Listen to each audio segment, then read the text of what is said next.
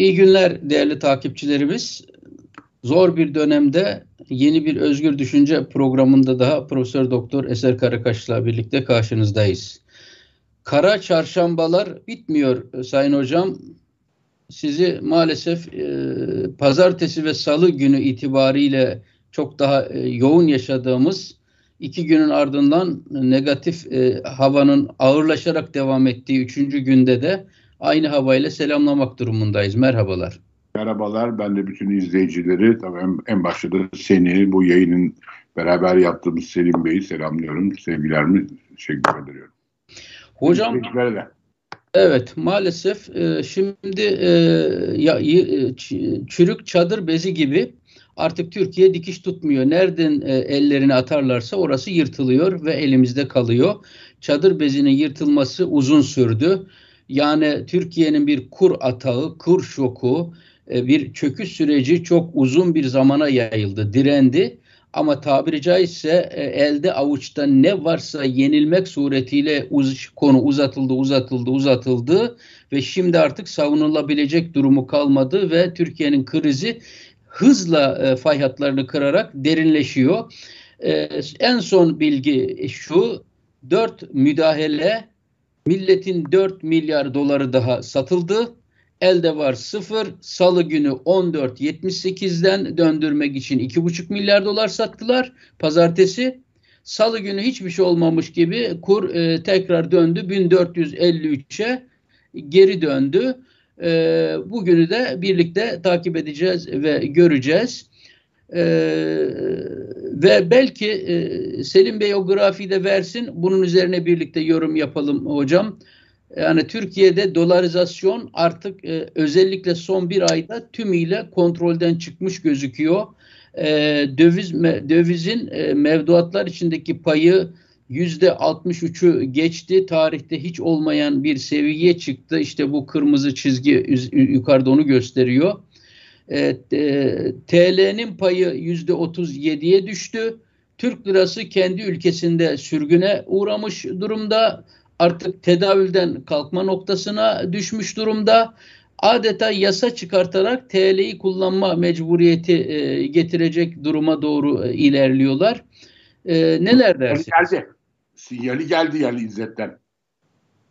Nasıl hocam onu biraz açalım. Bu mühim bir şey. Bir OHAL bir OHAL lafı ortalıkta e, çok güçlü bir şekilde dönmeye başladı. Ben bunu ilk Mayıs 31 e, Mart 2021 tarihindeki programımda e, buna hazırlanıyorlar. Bütün bunun ortamını yapmaya çalışıyorlar.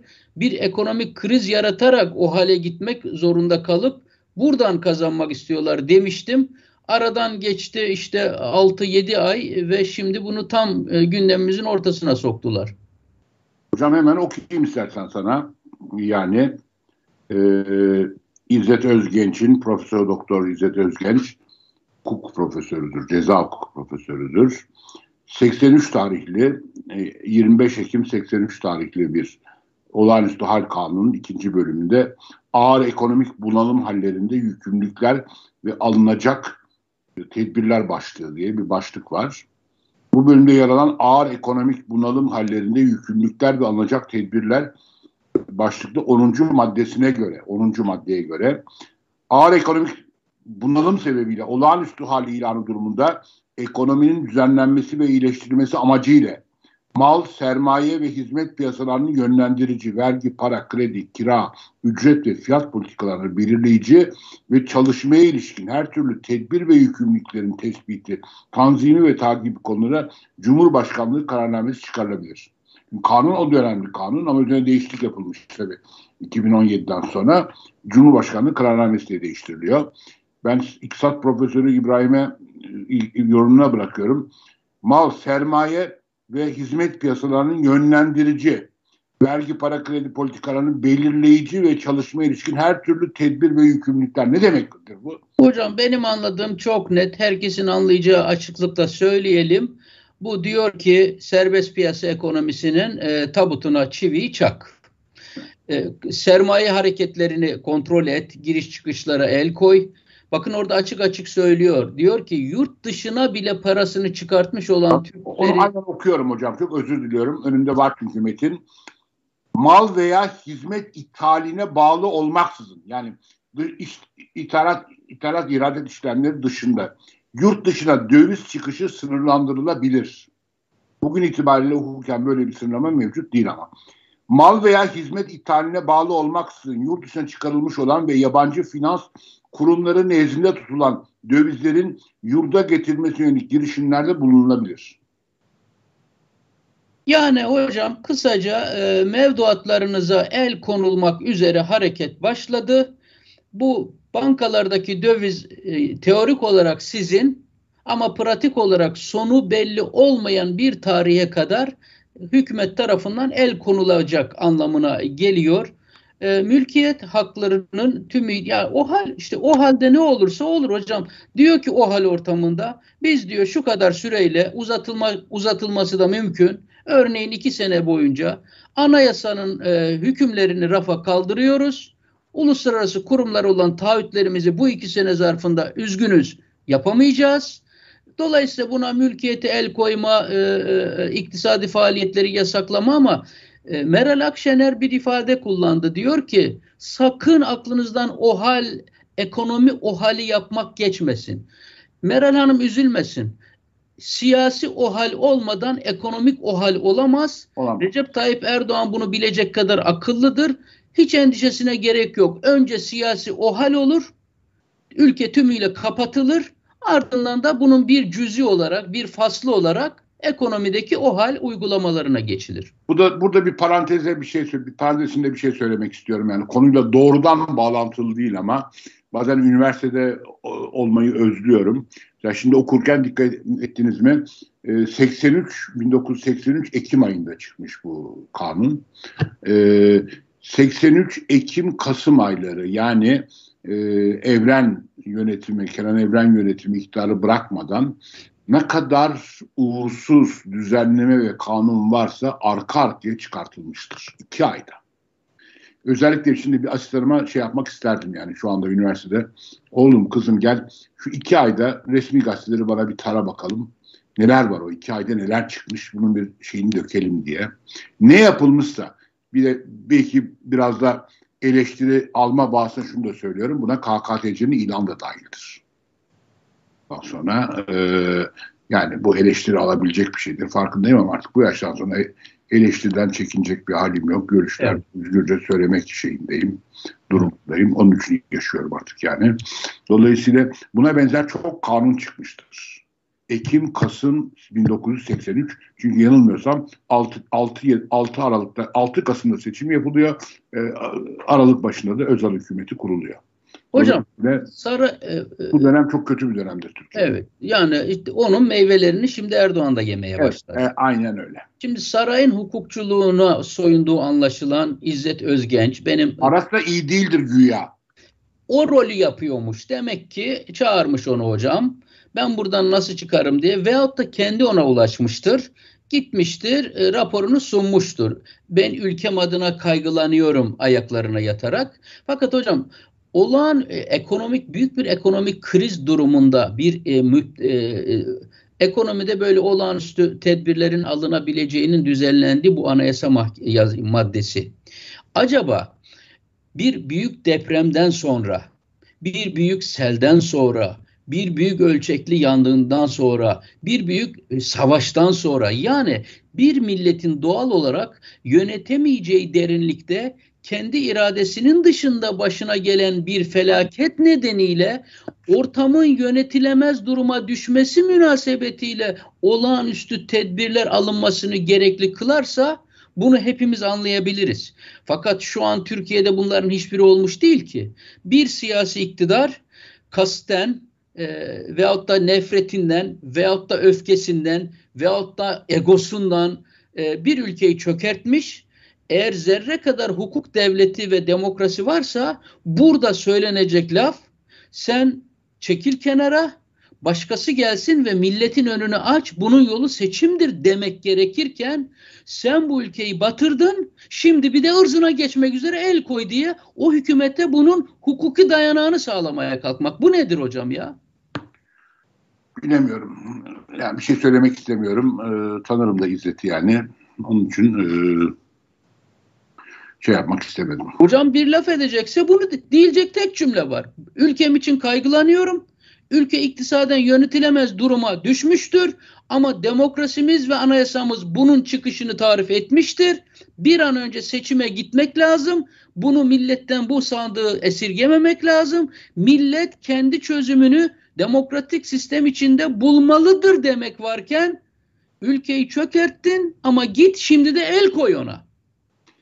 Bu bir hukukçunun diyebileceği bir laf mıdır hocam? Tarihe geçti bu arkadaş tarihe. Şimdi bir de farkında mısınız hocam? Bir Çin modeli diye bir şeyi özellikle Oda TV Marksistler, e, aydınlıkçılar böyle bir Çin modeli diye bir şey pazarlayarak Erdoğan'a gaz verdiler. O da telaffuz etti. Şimdi hilkat garibesi bir müsiyatçı bir e, hazine bakanı bulup getirmişler. Doktora tezi Erdoğan övgüsü üzerine kurulu bir kişi. Şimdi o da dedi ki yok dedi biz Çin modeli de olmayacak dedi. Bir haftada değiştiler. Bizim modelimiz yerli ve milli olacak dedi. Nasıl nasıl olacak mesela? Bu da belli değil. Bir konuşma yaptı. 20 cümle kurduysa 20 defa bana güvenin. Ey fakirler kaybedecek bir şeyiniz yok dedi. Ya en korkuncu da ya siz olsa olsa enflasyon altında ezileceksiniz. Ben işimi kayb iş yerimi kaybedeceğim dedi ya. Bir Maliye Bakanı böyle bir şey söyleyebilir mi ya? Bunu bilmiyorum kaçırmadınız herhalde gözünüzden. Dedi ki sizler ne olur enflasyon altında ezilirsiniz. Bir tek ücretiniz var. Yani bu Karl Marx'a özenmiş yani.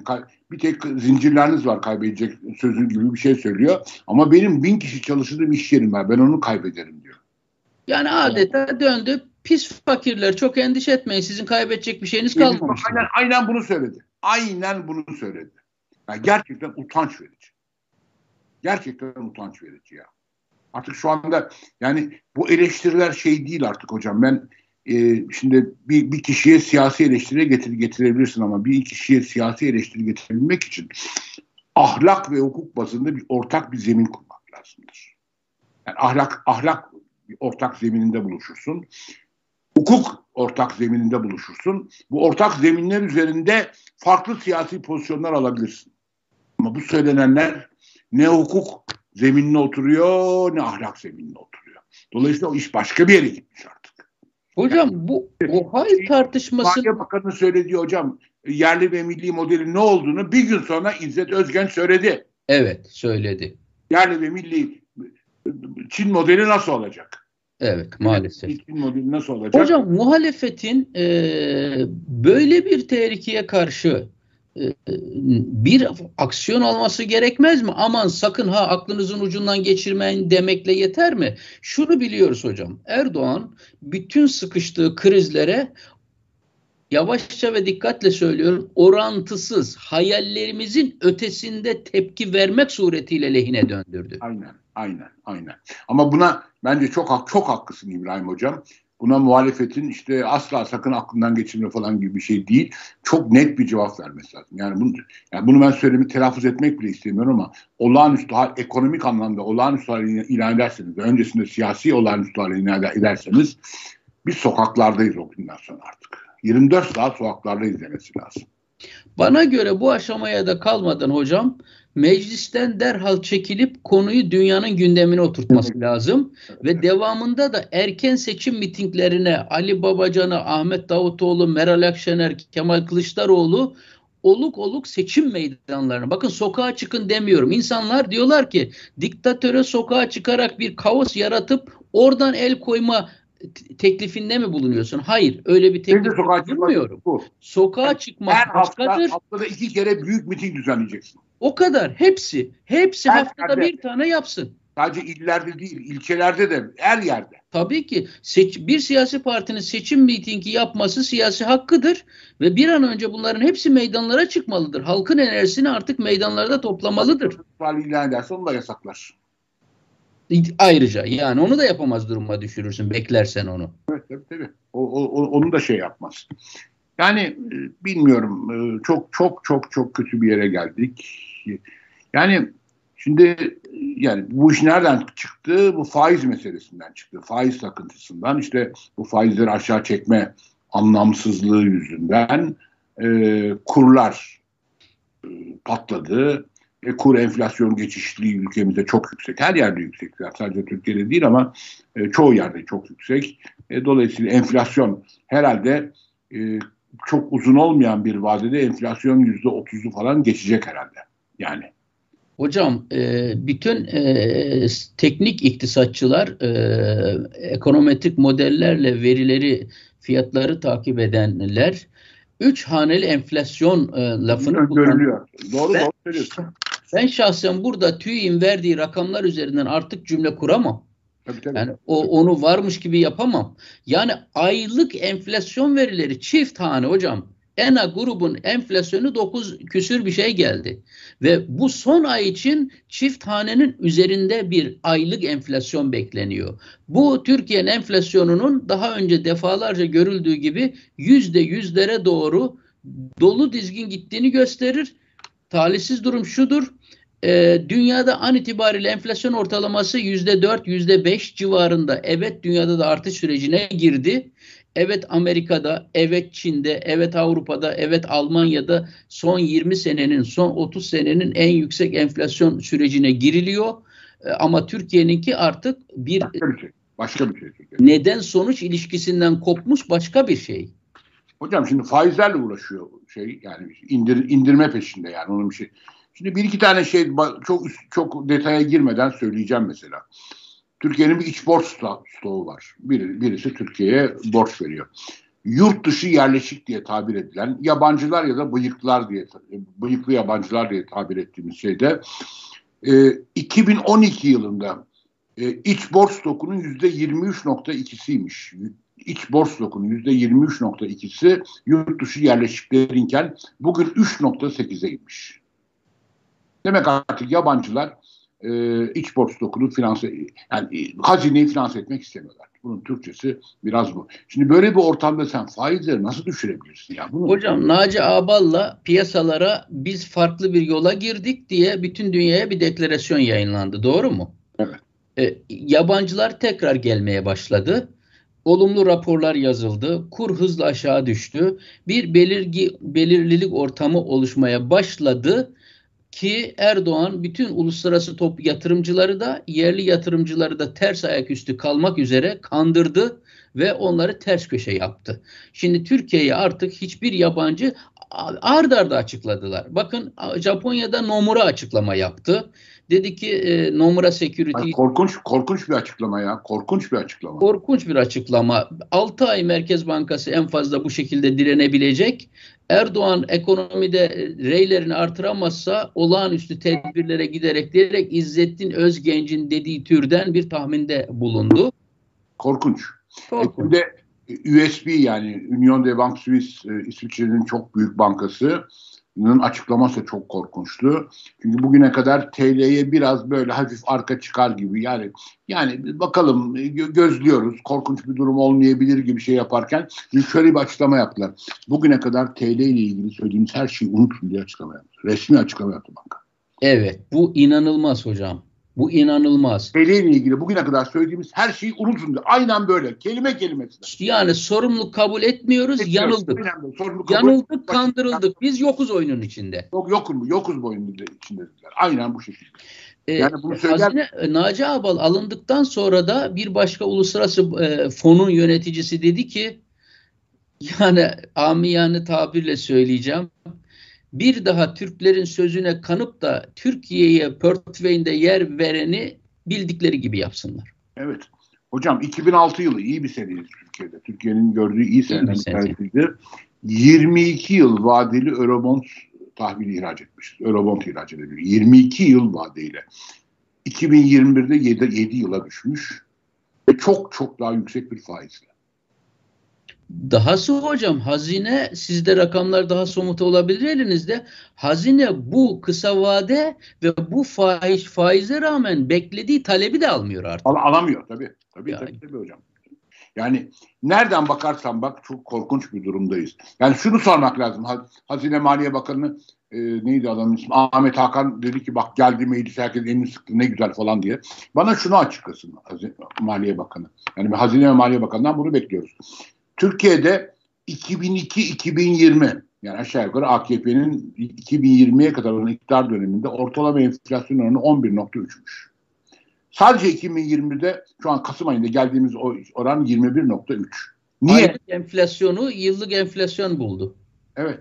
Niye? Niye? Çünkü bunu açıklaması lazım. Bir şey oldu herhalde yani. Ne oldu? Ne oldu? Bu soru çok soruluyor. Gerçekten bunun üzerinde speküle etmemiz gerekir. Yani insanlar diyorlar ki Erdoğan e, pekala şunu bilebilecek kadar e, çevresinde de bir akıl vardır. Kendisinde de öyle bir anlayış vardır.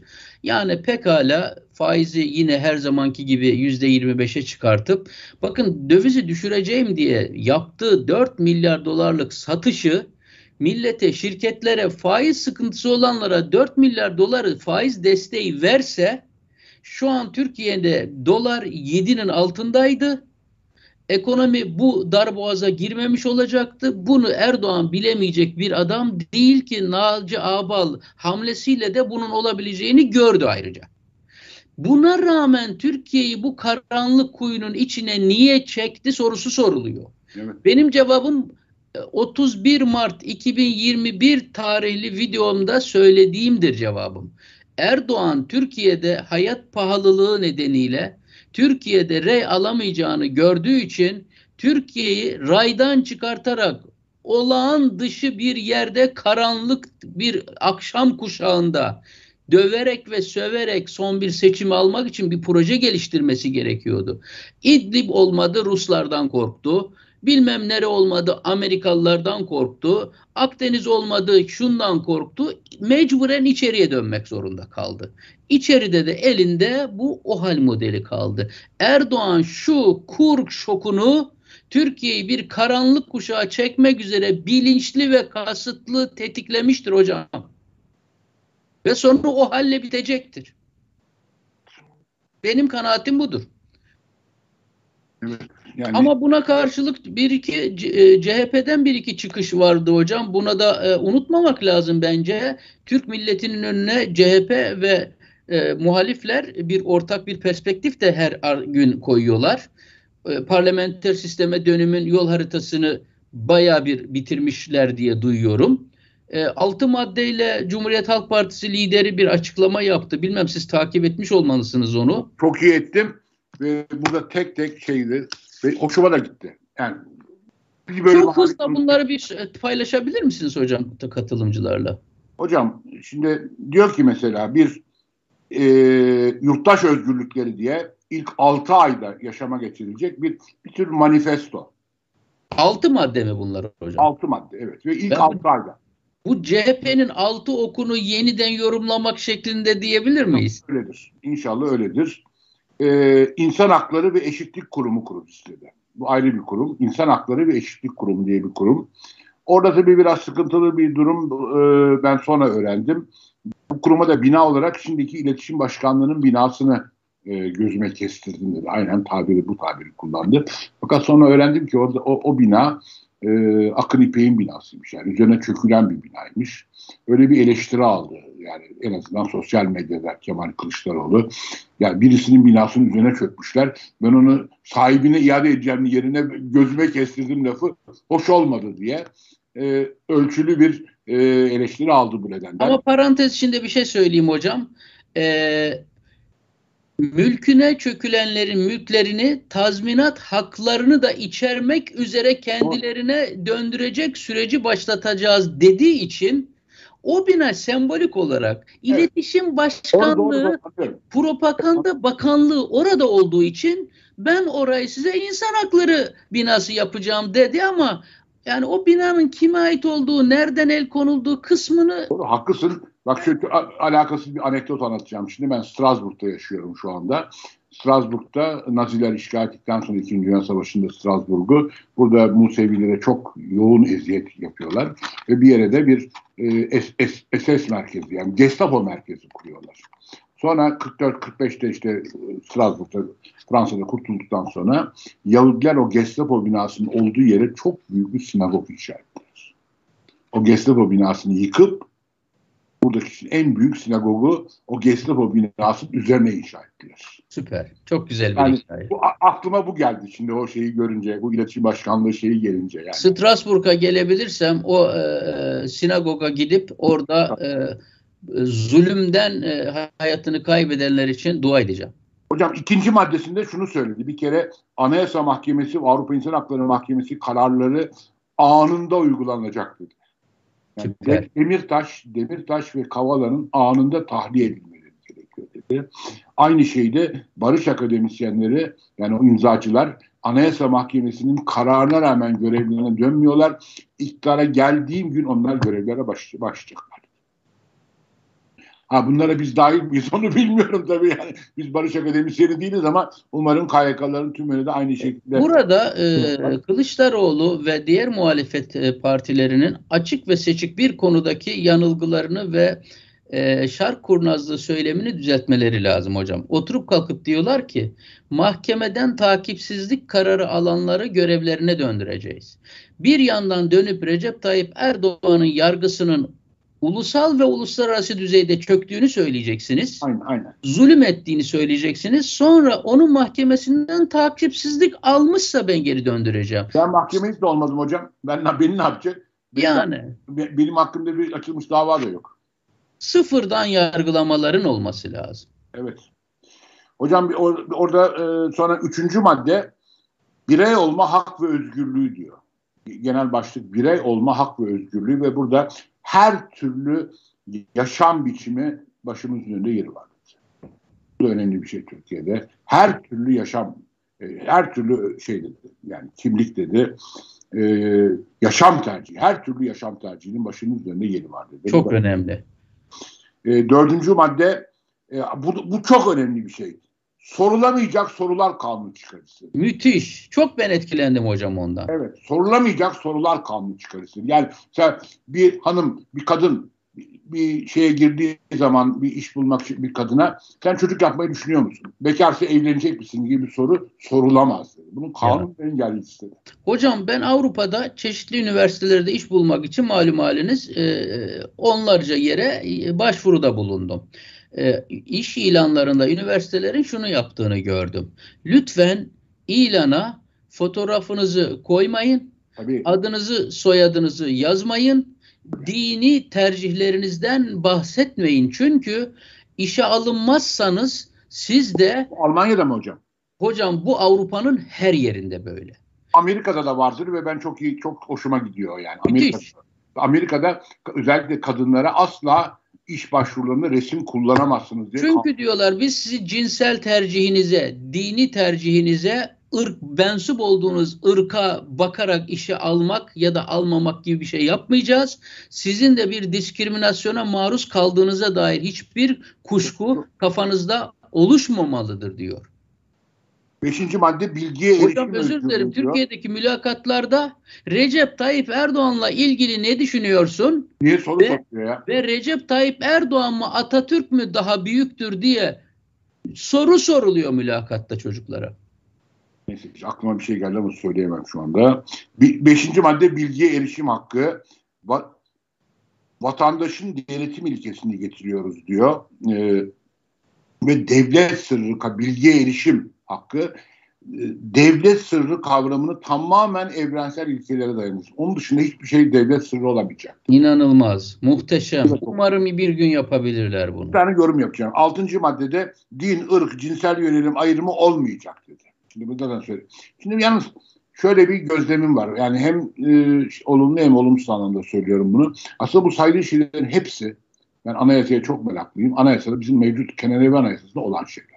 Mesela bu şey din, ırk, cinsel yönelim ayrı 10. maddede anayasanın daha teferruatlı olarak yazıyor. Felsefi inanç, felsefi görüş onu, onu bile katmış bizim anayasa. Yani felsefi görüşün farklı olması da vatandaşlar arasında ayrım nedeni olan, olamaz diye. Ama pratikte bunların hiçbirisi uygulanmıyor. Burada Ali, e, Kemal Kılıçdaroğlu'nun yapması gereken şey e, bunu biz bu maddeleri yaşama geçiririz. Ve bunun e, kefili de benim diyecek. Yani biz Hocam Şimdi ben kendi adıma söyleyeyim. O kadar anayasanın bu umdelerini unutturdular ki bize. Tabii, tabii, tabii. Yemin ediyorum e, bu maddeleri bırakın anayasamızda olmayı dünya anayasalarında olup olmadığını da unuttum. Ben. Kemal Kılıçdaroğlu'nun bunları yeniden keşfettiğini zannedecek kadar mutlu oldum. Bunu yeni yeni bir arkadaşım geldi İstanbul'dan buraya. O getirdi. E, 2020 anayasa. Bütün değişikliklerin işlendiği en son şekli. Ama Size bu getirilebilecek en güzel hediye getirmiş. Bu anayasa şey e, şu anda böyle bir roman gibi. Yani bir anlamı yok. Hiçbir madde uygulanmıyor. Hiçbir ya. madde uygulanmıyor. Dolayısıyla bir şey. Yalnız burada haddim olmayarak Sayın Kemal Kılıçdaroğlu'na bir şeyim var. Çünkü şöyle bir ifade kullandı. Ee, en son madde, en son madde o din, dil, ırk, cinsel yönelim ayrımı yapmıyoruz maddeye. Adil devlet dedi ve adil devleti şöyle tanımladı. Adil devlet evlatlarını ayırmaz dedi. Şimdi evlattan ayırmaz dediğim zaman o zaman ne oluyor? Yine bir devlet babayla karşı karşı. Devlet ana, devlet baba. Yani bundan vazgeçelim. Devlet dediğimiz, belki bana çok liberalsin diyebilirler. Sen de diyebilirsin. Her türlü eleştiri açayım. Devlet dediğimiz bizim maaşını verdiğimiz, yani vergilerle finanse ettiğimiz, bir anlamda maaşını verdiğimiz, o onun da bize hizmet götürdüğü, getirdiği, hizmet ürettiği hizmetkarımızdır. Başka bir şey değildir bir hizmetkardır devlet. Benim görüşüm budur. Çok aşırı liberal bakabilirsiniz. Ve ben onun maaşını veriyorum vatandaş olarak. Vergi, vergi ödüyorum ona. O da bana hizmetimi ödüyor. Hocam baba, baba devlet tarihteki patrimonyal devlet anlayışı Papa e, State yaklaşımı e, sonunda e, başımıza bir kutsal bir gücü e, dokunulmaz ve eleştirilmez hale getirdi. Yani Avrupa vari bir çalışan bir demokrasi ve devlet mekanizması dizayn etmek istiyorsak baba devlet anlayışından sever de döver de işte keyfilik Mesela, kapısını aynen. açacak bir kapıyı kapatmak lazım. Yani o, annen ya da baban, babansa arasında azarlardı seni. Hani dövmeyi kenara bırakalım ama azarlama hakkı vardır değil mi? Şimdi, Mesela hocam siz de yaşıyorsunuz. Şu eleştirileri biz milletimizin huzuru, refahı, demokrasisi için yapıyoruz. Şu eleştirileri ağır hakaretler halinde o kadar alıyorum ki. Ulan sen devleti eleştiriyorsun burada. O kadar o kadar şuur altına zerk edilmiş ki ne dersen de ama bir tanrıyı eleştirme bir de devleti eleştirme. Devlet kimdir? kurduğu polis teşkilatıyla, orduyla, paralel bekçi yapısıyla, sadatıyla bir gücü eline almış. Benim kalemime karşı karşıma tankı ve silahıyla çıkmış olan bir Erdoğan demek. Hangi devleti eleştirmeyeceğim ben? Neden eleştirmeyecekmişim ben? Hocam kolay değil. Yani dün seninle bunu paylaştık galiba şey üzerinden. Dün bütçe görüşmelerini izliyordum Dışişleri Bakanlığı'nın bütçesini. Orada e, Cumhuriyet Halk Partisi Grup Başkan Vekili Sayın Engin Altay milletvekili, Grup Başkan Vekili e, şeyle tartışırken e, Dışişleri Bakanı e, Mevlüt Çavuşoğlu tartışırken hatırlıyorsun Katar'a gittiği zaman e, Dışişleri, e, Cumhurbaşkanı ve önce Dışişleri Bakanı bir basın toplantısı olmuştu. O basın, basın toplantısı Reuters'in bir muhabiri şöyle bir şey sordu Çavuşoğlu'na. Dedi ki e, yani buraya işte bir şekilde para bulmak için mi geldiniz diyor. Para aramak için mi geldiniz diye bir soruya işte şeyde sert bir cevap verdi Çavuşoğlu. Fakat dün Engin Altay'ın Çavuşoğlu'na yönelttiği soru korkunçtu. Şöyle ya ben yerinde olsaydı gider iki tokat atardım o gazetecinin suratına. Ya. Bugün CHP şeylerinden de bir gazeteci dövmek yani bir gazeteci Reuters. bir yanda Kemal Kılıçdaroğlu'nun o az önce özetlediğiniz altı maddesi var. Hepsi çöpe gitti. Bir yandan da gazetecilik yapıp soru soran bir uluslararası gazeteciye ben gider ona ağız burun girerdim diyen bir CHP'li var. Bir grup başkan vekili. Herhangi bir CHP'li değil, grup başkan vekili. Yani dolayısıyla işimiz çok kolay değil. Ama inşallah bugün Nazlı Ilıcak Hanım, hanımla da hanımefendiyle ilgili de şey çıktı e, Ahim'den e, işte çok vahim bir e, yine şey çıktı kararı çıktı. E, e, ihlal kararı çıktı. Yani 10. madde, baş 10. madde başta olmak üzere bir sürü maddeden ihlal kararı çıktı. Ama 7 kişilik ikinci seksiyonda çıkan bu karar çünkü 7 tane hakim var. 6'ya 1 çıktı yine üstelik ifade özgürlüğü dahil olmak üzere buna. Ee, bir hakim artık hangisi bilmiyorum bilmiyorum hatta ben söylemeyeyim şimdi kim kim olduğunu ama Türkiye ile Türkiye hakiminin de olduğu bir şey orası ikinci seksiyon 6-1 çıktı karar. Maalesef Nazlı Ilıcan ifade özgürlüğünün de ihlal edildiği konusunda bir hakim e, şey, e, şey veriyor. Ne derler? Ee, o, o da Türk hakim tabii ki. Bilemiyorum artık ben, ben yorum yapmayayım. O sadece bir Türkiye hakimi var bayan. Oradaki bütün Türkiye aleyhine kararlara yargıç değilmiş gibi, hukuk bilmezmiş gibi, Erdoğan oraya yerleştirdiği bir militanmış gibi hepsine e, muhalefet ediyor. Eşimin halefi oldu. Dolayısıyla e, yorum yapmamayı Evet. Evet. Ben sizin adınıza yapma hakkımı kullanıyorum. Geliyorum. evet. Ondan sonra ama durum maalesef bu kadar e, kötü hocam. Yani hocam bir şey söyleyeceğim. Sizin e, ben e, bana sağ olun yazılarınızı e, yayınlayacağınız yazıları bazen bana da e, gönderiyorsunuz. E, biz e, bugünkü yayınlanmış olan yazınızı da 15 maddeyle Türkiye'nin çıkış yolu nedir diye milletin o hal ilan edelim ve bu milletin e, tabutuna son çiviyi çakalım diye hukukçunun ilan ettiği bir yerde siz de çıktınız dediniz ki hayır milletin tabutuna çiviyi çakmayın bir çıkış yolu vardır demokrasimizi öldürmeyin. Dediniz ve 15 maddeyle Türkiye'ye önüne bir çıkış haritası koydunuz. Yani şöyle bir senaryo yazdım hocam. Biraz da mizahi bir şey şekilde. Yani şimdi neye uğraşıyor? Uğraşıyor. Bütün Türkiye nereye kilitlenmiş vaziyette? Tabii bu o hal tartışması dışında. Şimdi Perşembe günü faizlere ne olacak? Ee, e, faiz yüksek hakikaten. Faizi düşürmek lazım bir şekilde. Ama bu, bu şekilde değil. E, kurlar da yüksek. E, kurları da bir, bir normalleştirmek lazım. Enflasyon çok yüksek. Enfla Üçünü birden nasıl aşağı çekebiliriz? Hem faizi aşağı çekeriz. Hem kur, TL değer, değer kazanacak hem de enflasyon düşecek. Ben 15 madde söyledim. Mesela Sayın e, Cumhurbaşkanı Erdoğan yarın sabah bir basın toplantısı düzenlese bütün dünyayı çağırarak şey gazetesine bir dese ki İstanbul Sözleşmesi'ne geri dönüyoruz. Tek imzala çıktı ya İstanbul Sözleşmesi'ne geri dönüyoruz. Hazır o milli görüşçü e, militan da ölmüşken e, ondan da kurtuldu. Evet. Tabii. Biliyorsun anayasanın 90. maddesinin son paragrafını çok önemli bir şeydir. AKP icraatının en önemli icraatıdır bence. Yani olumlu yılların en olumlu şeyidir. Şunu dese ben 2004 yılında bizim getirdiğimiz bu anayasa maddesini bundan sonra hukuka ve siyasete rehber ediniyorum dese Ondan sonra Türkiye bir anda bir oh der. Sonra desek ki Anayasa Mahkemesi ve ahim kararlarına hiç tereddütsüz hemen yaşama geçiriyoruz dese. Dolayısıyla Kavala ve Demirtaş tahliye oluyorlar bugün de. Haklarında tahliye kararı var ahimin. Yani başka bir şeye gerek yok. Bunu yapsa. Yani Türkiye'ye, Avrupa Birliği'ne ve bütün dünyaya dese ki Türkiye bundan sonra evrensel standartlar, hukuk devleti ve demokrasiye geri dönüyoruz. Bunu açıkça deklare etse, hatta bile isterse şerefi üzerine, isterse kutsal bildiği inanç üzerine yok, yemin Onlar üzerine yemin edemez. Onlar yok. Yani neyse işte yani. Başka bir şey yani. Ondan sonra ha bir de çok önemli yani kara para aklama ve narkotik meselelerinde kimsenin gözüne yaşına bakmayacağız ya en yanımızdakiler dahil olmak üzere hepsini yargı önüne taşıyoruz zaten. Kara para aklama ve narko narkotik meselesi. Hocam bu dediklerinizi yapsa bu millet bunun bütün suçlarını unutur bunu bir daha seçer söyleyeyim ha.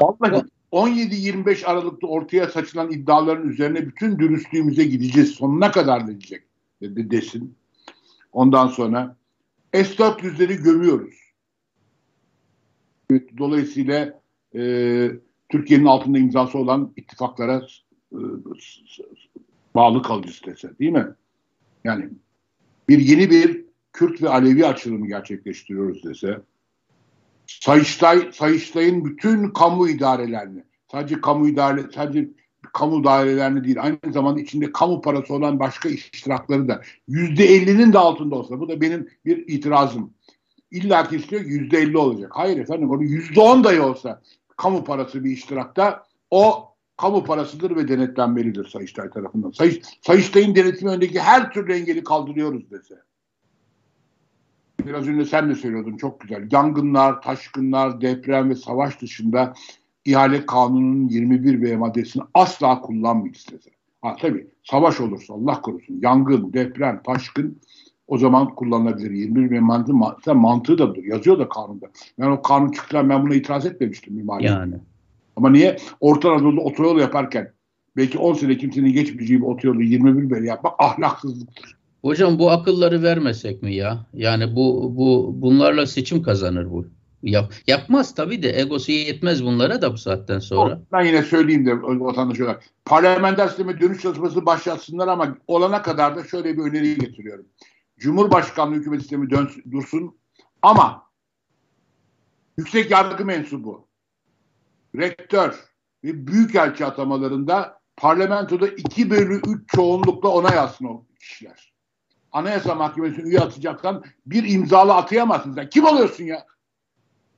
Yani beni seçtiler %51 ile. Atar. Hayır efendim böyle bir şey olmaz. Amerikan başkanı da %50 ile seçiliyor. Amerikan başkanı atayabiliyor mu? Kongreden onay almadan bir yüksek yargı mensubu. Başkanlık sistemi ise bunun da 250 yıldır, 300 yıldır deneyen bir yer var orada. Evet. Evet. Yani neyse işte böyle bu, bu şekilde gidiyor yani. Bir, bir genel af. Belki bir genel af. Tabii ki. Tabii ki. Yani neyse hocam işte bunları bu Evet, şekilde... bunları bunları inşallah birisi onun aklına düşürmesin. Bunları e, yaparsa Türk milleti e, affedicidir e, muhalefete zaten çok çok itibar etmedik. Bir türlü ak, kalbi akmadı. Erdoğan'ın ama bunları hemen hayata geçirmesi lazım. Örneğin Erdoğan'ın bugüne kadar çalıştığı kişilerin yüzde yetmişini bir hafta içinde mahkemeye sevk etmesi lazım. Aynen öyle. Aynen öyle hocam. Çünkü hepsini hırsız yapmış. Aynen öyle maalesef. Suçlara imza attırtmış. Aynen öyle hocam. Yüzde yüz haklısın. Hocam sonuna geldik galiba programın. Evet hocam. Ee, bir yayın daha sonuna geldik. Çok, özellikle yazımı bana bu şey yapmak e, olanağını verdiğin için özellikle münasıran teşekkür ediyorum. Estağfurullah hocam. Çok yararlandık. Çok teşekkürler. İyi günler diliyorum. Çok teşekkürler. Çok saygılar herkese.